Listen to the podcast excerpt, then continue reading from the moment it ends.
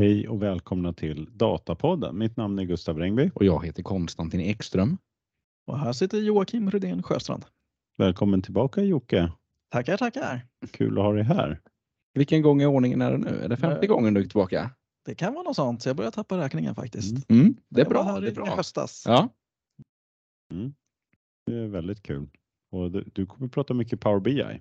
Det, är, Då blir det lite Power BI-nyheter igen. mm, Mm. så det blir spännande. Mm. Så om ni orkar lyssna på Konstantin först kommer Jocke. så hang in there. det är bra att det finns något som håller upp intresset lite grann. Ja, nej, men jag tror att eh, Databricks grejer är nog också intressant. Mm, Eller vad tror du Konstantin? absolut. För de köpte ju Mosaik ML här i juni i år, här i somras, för den smått osannolika summan 1,3 miljarder dollar. Ett bolag med 62 anställda. Och Databricks VD Ali Ghodsi, han, han kommenterade köpet här för två veckor sedan och kallade det a bargain. Han sa också in hindsight I would have paid even more. Aj, aj, aj. Ja, och man får säga att det faktiskt det går bra nu, får man säga. Ehm, I vilket fall sett till värderingen. I september så värderas Databricks till 43 miljarder dollar i samband med en finansieringsrunda där man tog in sammanlagt 500 miljoner dollar från ett antal investerare, däribland Nvidia, vad jag kunde läsa. Så man får ändå säga att de faktiskt tar in på det ett år äldre Snowflake som eh, per igår då hade en värdering på ett market cap på 54 miljarder dollar. Och Databricks grundades 2013 och Snowflake 2012. Så de har på båda lite bit mer än 10 år nu. Eh, Men jag får säga att det som man verkligen väntar på det är att få veta eh, hur köpet av Mosaic ML ska materialiseras i Databricks. Hur kommer vi få se av det här? Så kom då en ganska efterlängtad nyhet här. Data eh, Intelligence Platform som en, eh, genom en artikel på Databricks egna blogg. Och de börjar med att ge sin syn på hur AI kommer att förändra dataplattformar. De menar att påverkan av AI på dataplattformar inte kommer att ske i några vidare små steg utan det kommer att helt enkelt vara fundamentalt omvälvande. Demokratisering av tillgång till data i massiv skalning. Automatisering av manuell administration och möjliggörande av snabbt skapande av anpassade AI-applikationer. Så det är liksom tre delar där som detta kommer innebära då. Och allt detta kommer att möjliggöras av en ny våg av plattformar som på djupet förstår en organisations data. Och Databricks kallar denna nya generation av system för Data Intelligence Platform. Ehm, om jag tolkar fattar rätt så, så är detta då något som svarar upp på en lösning på många av de problem som de ser att dataplattformar idag står inför. Och de listar några stycken här, att inte bara snabbt gå igenom dem. Eh, först har vi Technical Skills Barrier. Att eh, fråga efter data kräver vissa specialkunskaper i SQL, Python eller allmänna biokunskaper som kan skapa en viss inlärningskurva. Data Accuracy and Curation. I stora organisationer så kan det vara en utmaning att hitta rätt och korrekt data. Och ibland så kan det hända att det här driver då en, en, ett, ett mer omfattande transformationsbehov. Sen har vi management complexity och här kan ju då kostnaderna dra iväg och prestanda kan bli dålig om systemet inte hanteras av tekniskt kunnig personal. Sen har vi data governance and privacy. Ehm, kraven på governance de utvecklas ganska snabbt och med AIs ankomst så kan man säga att ehm, detta förstärks kring um, bekymmer kring lineage, säkerhet och integritet och sådär. Och sen den sista då, emerging AI applications var jag inne på lite tidigare, men för att möjliggöra generativa AI-applikationer och eh, applikationer, AI-applikationer i allmänhet så måste organisationer utveckla och justera LLM på plattformar som är på något sätt separerat från deras data men samtidigt anslutna till deras datamodell genom ett eh, manuellt arbete. Ehm, och många av dessa problem uppstår eftersom dataplattformar inte grundläggande förstår dataorganisationer och hur den används. Ehm, och det är just här som de menar att Data Intelligence Platform kommer in i bilden. Och Data Intelligence plattform det ska då revolutionera datahantering genom att använda AI-modeller för att på djupet förstå semantiken i företagsdata. Eh, Databricks kallar detta dataintelligens, bygger på Lakehouse-grunden men analyserar automatiskt både data och metadata och hur den används, det genom frågor, rapporter, linjer etc. Eh, för att då lägga till nya funktioner. Ehm, och genom denna djupa förståelse för data möjliggör Data Intelligence Platform att, ehm, och här listar de också några stycken, Natural Language Access och genom att använda AI-modeller möjliggör de här plattformarna då att man kan arbeta med data genom ett naturligt språk anpassat för varje organisations jargong och förkortningar. Semantic Cataloging Discovery. Ehm, generativ AI kan förstå Eh, varje organisations datamodell, mått och KPI för att erbjuda upptäcktsfunktioner eller så, så du kan, du kan söka efter, efter data. Eh, men även hitta på något sätt avvikelser i användningen av data. Sen har vi Automated Management and Optimization. Och här kan AI-modeller optimera data, eh, datalayouten, partitioneringen, indexeringen och så där baserat på dataanvändningen vilket ska då minska behovet av manuell justering och konfigurationer. Eh, enhanced Governance and Privacy. Eh, de här Data Intelligence-plattformarna kan automatiskt upptäcka, klassificera och förhindra missbruk av känslig data samtidigt som de förenklar hanteringen med hjälp av naturligt språk. Och sen då First Class Support for AI Workloads. Ehm, man kan alltså då förbättra Eh, vilket företag som helst AI-applikation genom att låta den anslutna till eh, låta den ansluta då till relevant affärsdata och dra nytta av den semantik som, som eh, den här modellen har lärt sig. Ehm, och utvecklare av AI-applikationer behöver inte längre så att säga, hacka ihop eh, genom spröd promptteknik utan detta ska då underlättas genom här. Ehm, och för att säga nog eh, så att säga eh, så har passande nog Databricks då byggt en sån här eh, Data Intelligence plattform ovanpå sitt Lakehouse.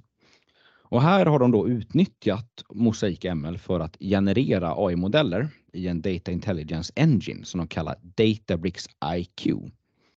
Och denna används för att ställa in reglage över hela plattformen inklusive automatik, automatisk indexering av kolumner, partitioner och, och sådär. Ehm, vid användning av Delta Live Tables och serverless jobb så ehm, används den för att optimal, optimera skalning och minimera kostnader baserat på förutsägelser på arbetsbelastningen. Och likaså förbättra styrningen i Unity-katalog. Unity-katalog genom att automatiskt infoga beskrivningar och taggar på alla dataresurser. Ehm, och detta görs sedan för att göra hela plattformen medveten om jargong, förkortningar, mått och semantik.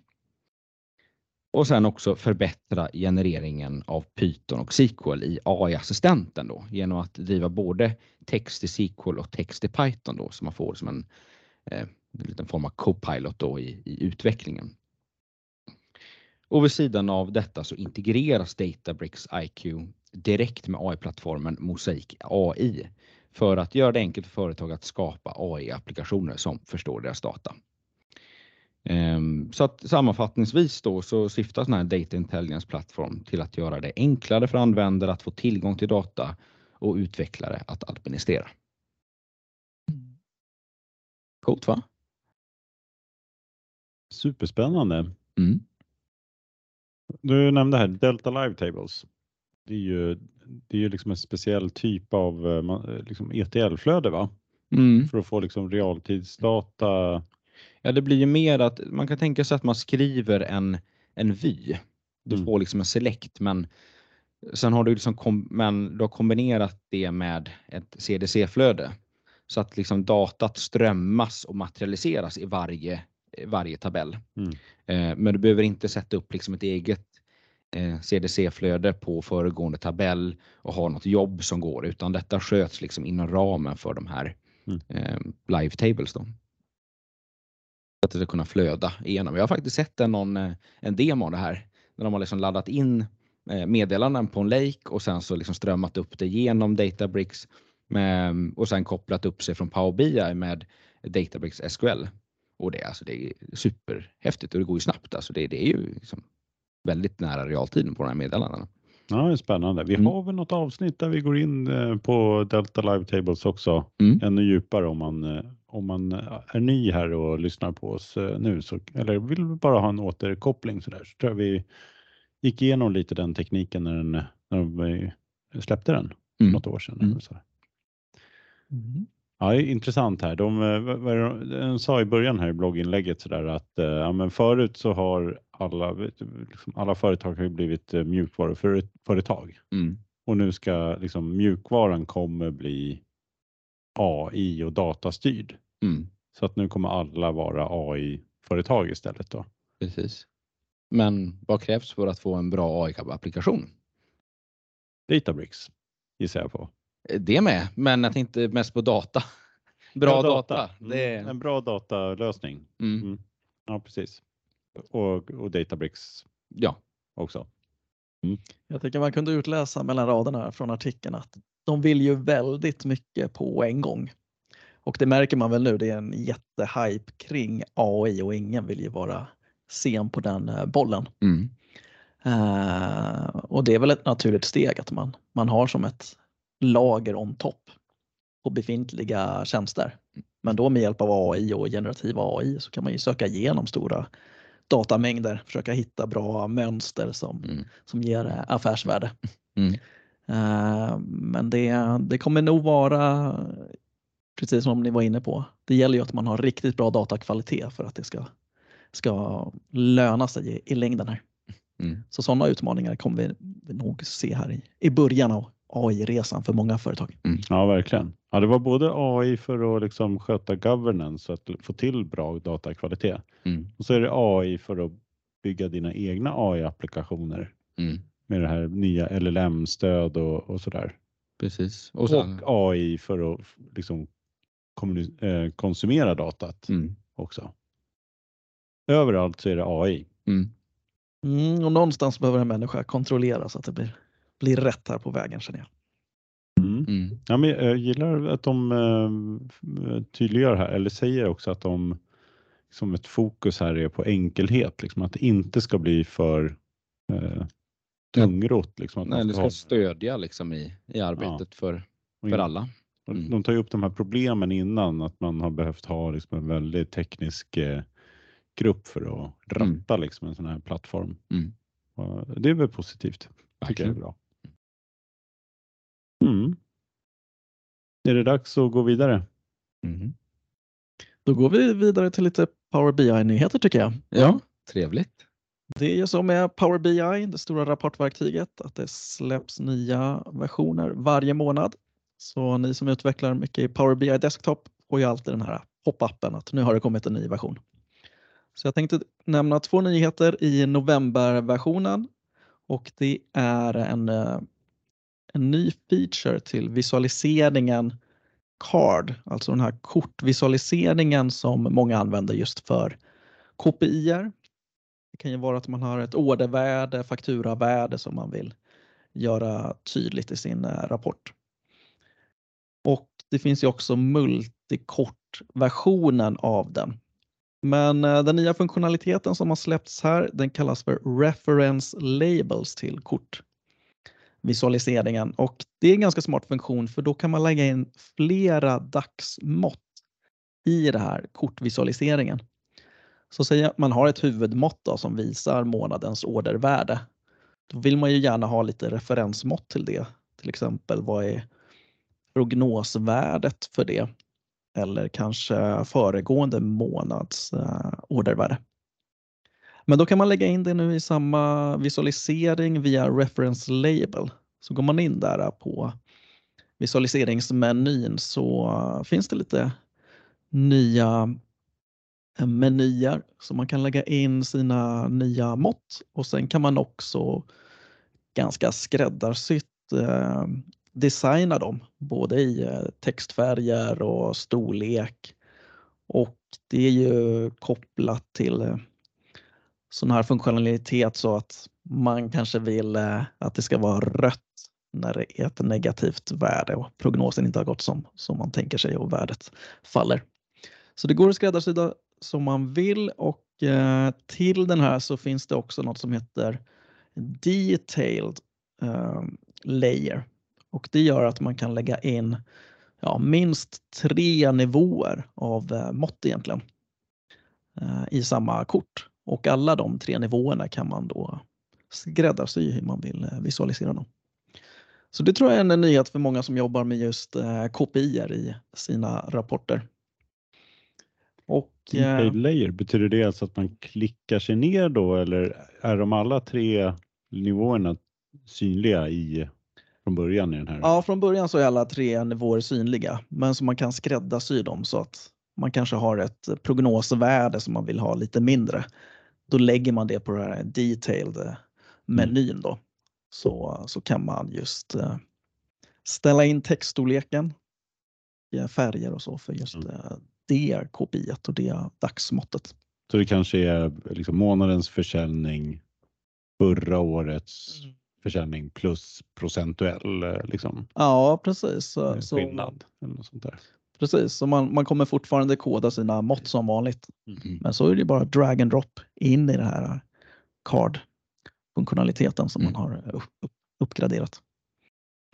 Eh, och det är tanken att det kommer till sådana multicard eh, också. Så det är roadmappen för Microsoft att man kommer uppdatera de här kortfunktionerna som visualisering. Mm. Just det, för det finns en, en där man bara lägger ett KPI och sen finns det en där man kan lägga fler, liksom multipla. Ja, KPI. precis. Men jag har eh, testat den här eh, nya nu som kommer till den vanliga som man ska lägga en i och i praktiken så kan man ju då lägga in eh, flera. Så jag förstår att på sikt så kommer det nog bli en och samma här tror jag. Det ja. finns ju ingen anledning för mm. Microsoft att behålla en för multi och en som är singel. Liksom. Mm. Utan det, det, väljer man som användare själv då på sikt. Tror jag. Så det är en uh, ny feature som släpps där till Power BI. Tänkte också nämna en annan nyhet och då är det att man introducerar en funktion som heter Explore. Den ligger också då i Public uh, Preview och Explore innebär att man inne i um, Power BI-portalen online kan eh, högerklicka på ett dataset som nu heter semantiska modeller och eh, då får man upp en pop-up-ruta där man kan eh, i en pivottabell, alltså en matris, väldigt enkelt och snabbt få en överblick av sin data. Så istället för att behöva bygga en Power BI-rapport och ställa in den här matrisvisualiseringen så, så får man en snabb överblick, preview av, av sin data som finns i eh, sin semantiska modell. Och funktionaliteten kommer också till eh, rapporter så att på liknande sätt så kan man eh, högerklicka på sin rapport och få en preview och då ställa en fråga mot den här datan. Och ställa frågor, det kan man göra då via SQL också om man har det som heter Data Marts inne i Power BI. Jag har själv inte jobbat så mycket med det men i eh, demon här så ställer de en SQL-fråga faktiskt direkt mot sina data marts i Power BI-portalen. Mm. Så den möjligheten uh, finns också. Så det tror jag framförallt är, är en god nyhet för de som utvecklar mycket hela ETL-flödet inne i Power BI. Mm. Just Datamart, det, då är det liksom en databas egentligen som man faktiskt bygger Eh, från Power BI och så liksom materialiseras eh, ett mellanlager i en databas. Ja, visst är det det. Att det är ett fysisk tabell med mm. sin data som ligger där mm. i. I typ en eh, mm. Azure SQL Database, va? eller? Mm, jag tror till och med man, jag vet att det heter Data Flow om man har fysiska tabeller i Power BI-portalen. Mm. Jag kan tänka mig att man kan om inte nu så på sikt kommer man kunna ha Explore-möjligheten även i Dataflows i Power BI. Mm. Kunna ställa en SQL-fråga mm. direkt mot den datan. Ja, det känns som en ganska trevlig funktion. Så man bara snabbt kan kolla vad, vad är det här? Ja, precis. Eller kolla man har, man har ja, gjort någon utveckling och så behöver jag vill kolla på just det här med den här summan. Liksom, stämmer den fortfarande? Bra. Framförallt när man snabbt vill validera. Har det kommit in data här mm. och ser datan rätt ut? Mm så behöver man inte komma med stegen att bygga en Power BI-rapport mm. utan snabbt previewa sin, mm. sin data. Här. Förhållandevis enkel grej men väldigt trevlig. Mm. Men de här, eh, om vi hoppar tillbaka till de här eh, korten. Mm. Det är inte lustigt att man har ett, eh, liksom man bygger världens coolaste visualiseringsverktyg. Man kan visualisera data på alla möjliga sätt. Men det här grundläggande, att liksom ha ett kort, verkar vara ganska populärt, va? eller? Ja, det, det har jag märkt hos mina kunder också att eh, även om det finns väldigt flashiga visualiseringar så är det ju ofta enkelheten eh, man vill åt. Mm. Så många jobbar ju i tabellformat och med KPIer Mm. eller enklare diagram, linjediagram. Och ja, det är väl sedan urminnes tider så är ju det ett väldigt bra sätt att visualisera sin, Mm. sin data. Då. Men om man, eh, du har ju jobbat mycket med Power BI och sådär. Om man förut ville ändå ha bara liksom både försäljning och procentuell förändring. Hur gjorde man då? Innan den här eh, reference label kom? Mm. Eh, då var det ju många kunder som, som fick bygga flera sådana kort eh, funktionaliteter och det tar ju extra tid och sen tar det ju också extra plats på rapporten. För Mm. många vill ju ha mycket information på sina rapportsidor. Det tar ju onödig plats om man ska Mm. bygga flera kort. Det kanske inte blir lika tydligt att de hänger ihop då heller. Eller Nej, precis. Så nu kan man ju verkligen bygga en helt enhetlig design Mm. runt det här kortet. Mm. Precis som man vill så att man vet att det här handlar om ordervärden och prognosen för det. Mm. Kan man tänka sig att det blir bättre prestanda också? Att det är en visual som uppdateras och inte fem? Det är en intressant poäng också, ja. för varje visualisering har ju sin lilla Vertipack-motor som ska dra igång då för att beräknas. Så det kanske man sparar in tid på också. Ja. Mm. av de här två nyheterna då, eh, Jocke? Vilken är, kommer underlätta ditt jobb mest? ja, jag ska faktiskt presentera den här äh, kortfunktionaliteten för ett par kunder nu, för det tror jag att de är väldigt intresserade av. Mm. När man tänker på Explore-funktionaliteten så tror jag att det är framförallt intressant för de som bygger ETL-flöden i Power BI. Mm. till exempel med data flows eh, och hela modellen där. Eh, Själv så jobbar vi ju mycket med SQL, har det som ett lager och då hinner man ju validera och titta på sin data innan man exporterar ut det till Power BI. Ja, just det. Det Men blir eh, card, card som vinner. Card kommer Mm. vinna den kampen. Du har ditt S. S i rockärmen. Ja. Ja, ska vi gå vidare? Då Ja. går vi vidare. Ja, det är spännande med lite Power BI-grejer här också. Ska vi avsluta med lite, nu när vi har blivit eh, liksom hård fakta här, nyheter som har kommit från Databricks och Power BI, så är eh, hjärnan lite som Inte mosig som mosig säger. och som en tvättsvamp. Vi lite, Mottaglig kan vi säga då. Ja. så. Ja. lite enkätstudier Ex exakt. är, är det rätta att avsluta med kan man säga. Mm. Och Det här kommer från eh, Microsofts blogg. Eh, Rubriken är New study validates the business value and opportunity of AI. Och det här är en eh, ett blogginlägg från 2 november. Eh, där man konstaterar då att eh, AI kommer ju ha en stor effekt på samhället. Men man måste ju förstå hur man liksom kommer eh, ja, få nytta av det för att kunna våga investera i den här tekniken. Då. Och för att förstå de här möjligheterna har Microsoft finansierat en studie som utförts av IDC i den här frågan. Så IDC har frågat över 2000 ledare över hela världen eh, Så det här är eh, personer som har ett ansvar för att då omhänderta AI-tekniken i deras respektive organisation. Och eh, studien utgick faktiskt från en tidigare studie också som Microsoft gjort som undersökte arbetstrender. Någonting de kallar för Work Trend Index här, så finns det en länk här. Eh, och eh, jag tänkte faktiskt att den artikeln var, när jag kikade på den, så den, eh, den får vi nog ta upp i nästa avsnitt. Det blir lite tvärtom här, men den, är, den står bra för sig själv också. Så, men den får vi komma tillbaka till. Men den går in lite grann på hur, liksom på de här första fallen av hur man använt Copilot Mm. och liksom vilka effekter man har sett i olika organisationer eh, utifrån det. Då. Så det kommer vi tillbaka till nästa vecka. Eh, men då, de här dimensionerna då som man ser att eh, som man har utgått ifrån i den här enkätstudien för att undersöka affärsmöjligheter kring så pratar de om arbetsplatsproduktivitet, hur man monetariserar AI-investeringar i nya intäktskällor till nya kundupplevelser, modernisering av interna arbetsprocesser. Och eh, det de konstaterar här det är att i alla dessa dimensioner hittar man också en god effekt av AI.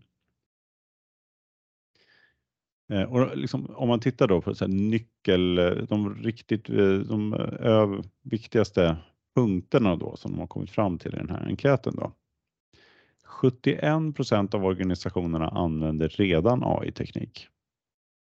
Det är ändå en ganska stor del. Fast det ska väl vara bolag då som har en ansvarig för AI också antar jag då.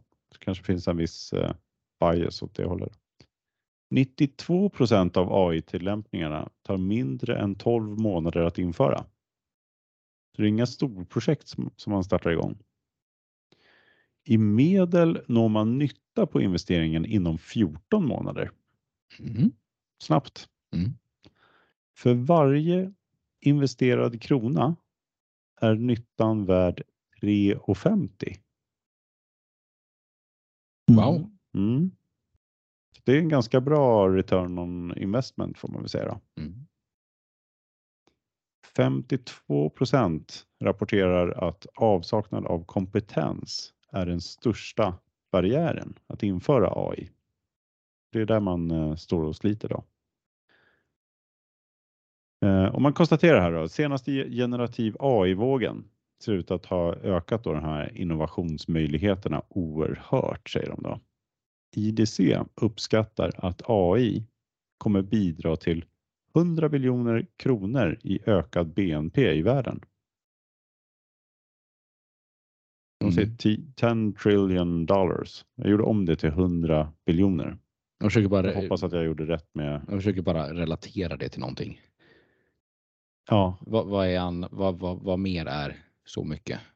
ja precis. Tysklands vet BNP. Eh, Vi behöver en sån där uh, reference label här. Vad Exakt. är BNP i världen egentligen? Mm, just det. Det, det borde vi kika på. Men det, den eh, som säger det här då är Rito Giotti som är ansvarig, ansvarig på IDC för AI och automation. Eh, Så de går in lite grann på så här, de här dimensionerna då. Vad, hur påverkar, eh, på vilka sätt så skapar man de här affärsvärdena? Då? Så då tar man upp ett antal då dimensioner här igen. Då. Den här arbetsproduktiviteten då. Då säger man här att eh, anställda i alla branscher har en ökad digital administrationsbörda. Kallar det digital debt också. En slags digital skuld som man har. AI stöttar genom att sammanställa ostrukturerad data om produkter från sociala medier och kundrelationer för att snabbare kunna lösa problem, författa kommunikation och skapa insikt. Så, och så säger de här också att utöver det så kan man använda AI för att ta fram presentationer, skapa artiklar såsom referenscase, blogginlägg, pressreleaser och skapa digital konst. Som man eh, säger. En sån här allmän då arbetsproduktivitetsökning med Copilot. Nästa del är kundhantering eller kundkontakten då, kundkommunikationen. Säger de det att organisationer har arbetat hårt för att kunna nyttja en ökande mängd samlade kundsignaler för att ge då personaliserad kundservice. Med AI-tjänster i kundservicesystemet såsom till exempel då Copilot och Dynamics så får kundserviceagenten råd och förslag på kommunikation till kunden i realtid. Man förenklar där. Nästa del då, det är att man då använder AI för att omdana affärsprocesser. Då säger de så här. Organisationer har fickor av användbar data utspridd över hela verksamheten. AI kan hjälpa till att hitta denna värdefulla information och koppla ihop den för att förenkla och förbättra olika arbetsmoment. Då. Ett exempel på detta är inom cybersäkerhet där AI då kan användas för att hitta då problematiska användare eller ja, på något sätt att eh, systemen används på ett felaktigt sätt. Då. Eh, så liksom data som ligger utspritt och så tar de och samlar in det och ser mönstren i det. Då. Tar ett annat exempel här också. Eh, ett annat är möjligheten att nyttja AI inom tillverkning och logistik för att skapa då simuleringar av processer för att därifrån optimera arbetsflöden. De pratar här också en, då en allmän också eh, att AI här utökar liksom AI tar inte bara och liksom ökar utvecklingen, den ut, ökar liksom takten av utvecklingen eller liksom den Eh, innovations... Eh, de, de, säger det som att de, den böjer på innovationskurvan eh, och ökar liksom takten på utvecklingen. Och de tar lite exempel här också. De säger det att ja, men AI kan användas för att ta egentligen då genvägar i verksamhetsutvecklingen. Både genom att AI kan stödja själva programmerarna som arbetar med verksamhetens mjukvara då. Genom då Copilot i GitHub tar de upp som exempel. Alltså att eh, vi har ju siffror från tidigare då programmerare blir 40% mer effektiva genom att de kan använda då och chatt, en chatbot hjälper till att programmera och skapa mjukvara. Men även att AI kan också användas för att få ut mer ur gamla affärssystem. Och då använder man då alltså AI för att förbättra och automatisera en hantering utan att liksom behöva modernisera alla affärssystem, beskriver de det som. Så här kommer man nog in lite grann på de här RPA-funktionerna som man har pratat om tidigare. Jag skulle misstänka att de refererar till här när de säger så här. Mm. Alltså att man lägger en, liksom en AI-robot ovanpå som kan använda en en omodern då affärssystem som kanske inte digitaliserar saker utanför sin egna, liksom den, den, blir som en black box, men då har du en robot som hanterar den och så kan du bygga vidare mm. och digitalisera på det stora. Då. Ja, det är egentligen det de konstaterar i den här. Mm. Så 100 biljoner. Mm. Jag kan, eh, världs, hela världens BNP är 97 triljoner USD. Mm. Och det här var 10 triljoner. Så att det är 10 procent. Mm. Ja. Eh, det är halv USAs BNP ligger på 23. Mm. Så att det är ungefär halva USA och det är ju ja, det, är en, det är mycket. Det är en rejäl. Det är mer än vad Goldman Sachs har sagt tror jag. De sa väl 7-8 procent eller något sånt där. Mm. Så att det här är ytterligare lite högre mm. till och med. Som IDC säger. Mm. Mm. Ja, vi står inför spännande tider så det kommer ju klart bli ett paradigmskifte här äh, under åren. Det här är ju bara början. Så det är ju lite spännande att höra att de redan har lyckats ta fram en undersökning här, för jag visste knappt att det har funnits i 14 månader AI här. Men eh, tittar man på kundtjänstportaler så har man ju använt det länge, i flera år faktiskt. Ja, precis. Det är väl uh, olika, eller så generativ AI kanske Mm. Men, men de, jag tror, det gäller väl de här Goldman Sachs också. De har väl pratat liksom AI lite mer i allmänna eh, bruk också. Mm. Ja, precis. Man får säga att generativ AI har också drivit på all annan AI också, även den som fanns populär innan. Mm. Så att det liksom bara genom det här mycket större intresset så har det ju fått andra fått ett enormt uppsving också. Ja. Mm. Ja, eh, men det är ju ändå, en, ja, du satsar en krona, tre och en halv kronor tillbaka på 14 månader. Mm. Men det, det, är sant, den siffran är nog svår med generativ AI att få. Jag, jag vet inte, bild, eh, de här bildfunktionerna, eh, de kom lite tidigare än ChatGPT också. Och kanske ett halvår tidigare va? Mm. Mm. Ja, nu finns det ju hundratals sådana tjänster för bild, bildhantering, bildredigering och framförallt textgeneratorer. Ja. Mm. Uh, och det är häftigt hur det sprider sig i andra branscher också. I november släppte ju Beatles en, en låt då, som var AI-genererad. Mm. Och det är ganska häftigt för då har ju John Lennon spelat in en, en demolåt på kassett under 80-talet. Men det gick inte att urskilja pianospel och hans sångröst. Men med hjälp av en AI-motor då så lyckades man eh, dela upp sången och pianot så pass bra så att man kunde göra en mastermix av det. Ja, det är ju supercoolt. Mm. Det är inte bara 3,5 krona värt. Nej, de får mycket publicitet där. Det sägs vara Beatles sista låt. Mm. Mm. Men det här är väl nä- nästan, om man tittar på den här 3,5 gånger. Mm. Det är ju nästan att man kan, om man då satsar, om man hittar tre stycken kandidater på eh, liksom AI-tillämpningar. Mm. Så borde man, om man då är lite orolig att några kommer misslyckas, så borde man gå i mål med en som då eh, skapar eh, liksom tillräckligt mycket affärsvärde för att ha, ha testat alla tre i stort sett, Just det. kan man väl säga. Mm. Då går man fortfarande lite plus Mm. om man nu eh, är osäker. Mm. Så är du osäker, gör, gör tre gånger mer så kommer du få affärsvärde av det. Mm. Ja, men det, känns väl kul. Mm. Ja, verkligen. Jag tycker jag känner igen er här, liksom att när man väl just AI-satsningarna brukar gå väldigt fort. Alltså det är ju det här att hämta data och sånt där, det kan ta lång tid. I Mm. alla fall det man lyckas tillämpa, för det är ju där man stöter på problem. Mm. Det är att digitaliseringen inte är tillräcklig. Men när man väl liksom utnyttjar AI-teknik på en process, Mm. om datat är rätt och man går mål, Mm. då är det ganska små projekt oftast. Mm. För det är liksom det där sista på ja, det är liksom det är toppen på isberget. Mm. Medan egentligen allt arbete är liksom det här att eh, förbereda datat Mm. och få, få ut det och göra det tillgängligt och med bra datakvalitet. Men Som det säger, med overnight success tar tio år eller sånt där, eller vad heter det? Ja, precis. Ja. Lite, lite förarbete sådär. Mm. Ja, spännande. Mm.